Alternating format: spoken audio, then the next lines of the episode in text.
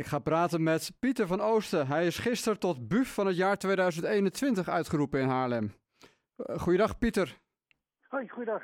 Allereerst gefeliciteerd met deze mooie prijs. Ja, dankjewel. Waar heb je deze prijs aan te danken? Ik heb uh, tijdens de lockdown, uh, of lockdowns eigenlijk, uh, mocht ik niet meer werken. want mijn rijschool die, ja, die stond helaas stil. Ook vanwege ja, zeg maar coronamaatregelen en dergelijke. Ja, dan mag je niet naast elkaar zitten natuurlijk in de auto hè, tegen, tijdens die strengste lockdowns. Nee, dat klopt. Tijdens die, die strengste lockdowns mochten we echt helemaal niks meer. En ik zat toen al een week of zes denk ik thuis. En ja, ik werk normaal gesproken zes dagen in de week. Dus dat was echt een, uh, ja, een behoorlijk gat uh, waar je dan, uh, waar je dan ja, toch wel inviel. En dat had ik zelf niet verwacht. Maar ik, ja, ik heb ook vanaf mijn 16 nog nooit een dag zonder werk gezeten. Dus dat... Nee, hoe was dat om opeens thuis op de bank te zitten? Ja, heel gek eigenlijk. Ik, ik had niet verwacht dat dat zoveel, zoveel invloed zou hebben. ook op mijn, mijn eigen gemoedstoestand. Zeg. Nee. Maar dat, ja, nee, dat was inderdaad heel raar. En en vooral dat het verplicht is, zeg maar. Dat je, dat je gewoon noodgedwongen, zeg maar, in één keer ja, van, van heel druk naar, naar niks gaat. Dus, maar toen kwam je op een idee. Klopt, toen, had ik ineens een, toen begon het te sneeuwen ook nog. En toen hoorde ik dat eindelijk toen voor het eerst mensen gevaccineerd konden worden. En de mensen stonden er echt toen, toen om te springen, vooral ja, mensen boven de 80, want daar zijn we toen mee begonnen. En toen keek ik eens naar buiten en toen begon het heel hard te sneeuwen. En toen dacht ik, jeetje, hoe moeten die, die arme mensen zeg maar, naar, naar die vaccinatielocaties toe dan? Want sommigen zijn helemaal niet in bezit van, van een eigen auto meer. En als ze al een eigen auto hebben, dan durven ze vaak niet door die sneeuw heen te rijden. Nee. En ook het openbaar vervoer. ik heb mensen gezien met rollators en dergelijke die dan door de sneeuw heen proberen te komen. Ik dacht, jeetje, dat is toch verschrikkelijk. En ik, ja, ik dacht, ik heb toch niks te doen. Dus ja, waarom ga ik die mensen niet een beetje helpen? Dat is eigenlijk een beetje hoe het is gegaan. Ja, en hoe, uh, ja, hoe kom je dan in contact met die, die mensen? Jij kan ook niet vanuit huis zien, denk ik, welke mensen wanneer zo'n prikafspraak hebben.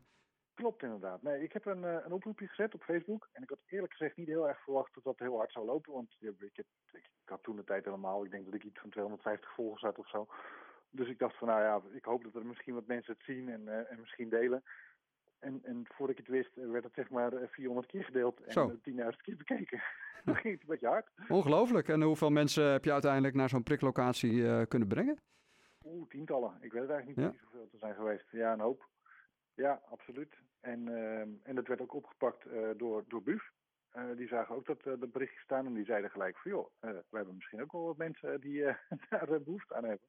Ja. Dus dat, joh, hartstikke leuk, stuur ze maar door. Ik, ehm, ik kreeg ook van alle kanten van collega's van mij uh, te horen van jongens, uh, ja, wij zitten ook stil. Dus als je hulp nodig hebt, zeg maar, dan uh, kunnen wij ook helpen. Nou, en zo, zo is dat eigenlijk een beetje gaan rollen. Ja, en hebben naar aanleiding daarvan ook con-collega's van jou hetzelfde gedaan? Zeker, ja. Dus jij hebt echt iets, op, ja, iets op poten gezet. En ja. veel betekent voor, voor deze mensen. Um, ja, hoe, hoe ging het contact eigenlijk verder met de mensen die, die naar die locaties hebt gebracht? Ik heb, ik heb toen gewoon mijn telefoonnummer erbij gezet. En mensen belden me gewoon op van... joh, ik heb dan en dan een prikafspraak. Zou ik dan misschien gebruik mogen maken van jou, jouw diensten? En toen zei ik, joh, heel graag, hartstikke leuk. En, en zo is dat eigenlijk een beetje gegaan. En, ja, en ik lees in een artikel ook dat je ja, niet alleen die mensen hebt geholpen... om naar die locaties te brengen, maar dat je je ook beseft dat, ja, dat, dat veel van die oudere mensen, zeker in die lockdown, een geïsoleerd bestaan hebben. Ja, hoe, hoe, hoe ben je tot, dat, tot die gedachte gekomen? Is dat door gesprekken die je hebt gevoerd met deze mensen? Ja, absoluut. Ja, ik, ik, ik had op een gegeven moment mensen in de auto die zaten echt uit het raam te kijken. Die waren al een jaar niet buiten geweest. En die zeiden letterlijk van, joh, oh, ze zijn hier aan het verbouwen. En nou, het is voor ons echt een uitje hoor, uh, weer even, even eruit. En, en er waren echt mensen die, die gewoon echt heel bang waren om het huis uit te gaan toen de tijd nog. En dat, dat was ook echt een beetje in het begin nog natuurlijk van dat, van dat hele gebeuren. En ehm, ja, ik, ik verbaasde me er eigenlijk over. En, en ik krijg er ook heel veel uh, positieve energie van. Want ik, uh, ik, ik, moet eerlijk zeggen dat je op een gegeven moment zit je een beetje op de bank en zit je een beetje zelfzielig te doen. Je hebt in één keer geen inkomen meer, je hebt geen werk meer. En, en ja, uh, toch wel maar spannend en afwachten van joh, wanneer mag ik weer aan de, aan de slag. En ik had op een gegeven moment een mevrouw naast me zitten, die heb ik naar het, het fusieziekenhuis gebracht in Amsterdam. En die mevrouw die had slokdarmkanker. En uh, die had zo'n ventiel zeg maar, op, de, uh, op, de, ja, op de nek. Om, ja, die moest heftig. Ja. Op het moment dat, uh, dat ze moest ademen. Die draaide ze dicht op het moment dat ze wat wilde zeggen. Ja, en, en, en die mevrouw was hartstikke, eigenlijk heel erg vrolijk. En, en, en ik was dat, daar zo uh, van onder de indruk. Ze vertelde bijvoorbeeld dat ze nog uh, ja, moest eten via zonnevoeding en dergelijke. Dus ze zegt, ja, daar is ook niet zoveel meer aan. Maar ja, goed, het gaat allemaal wel goed hoor. En het gaat allemaal prima. En ik, uh, ja hoor, ik red me wel. En dan denk ik, ja, dan zit ik een beetje zielig te doen. En dan moet je kijken hoe sommige mensen erbij lopen. En, uh, dat, dat, dat, realiseer je dan ook ineens heel Ja, hard. misschien een grote vraag hoor, Pieter. Maar heeft het jouw kijk naar het uh, leven ook veranderd, de, deze ervaring? Ja, vooral naar het leven van, van mensen die thuis uh, zitten, zeg maar. Ja, absoluut. Ja, ik heb daar echt wel...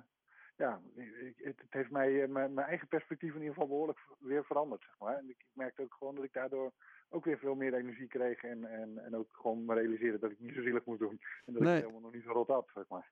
Duidelijk, nou ja, mooie, mooie, mooie gedachte lijkt me zo.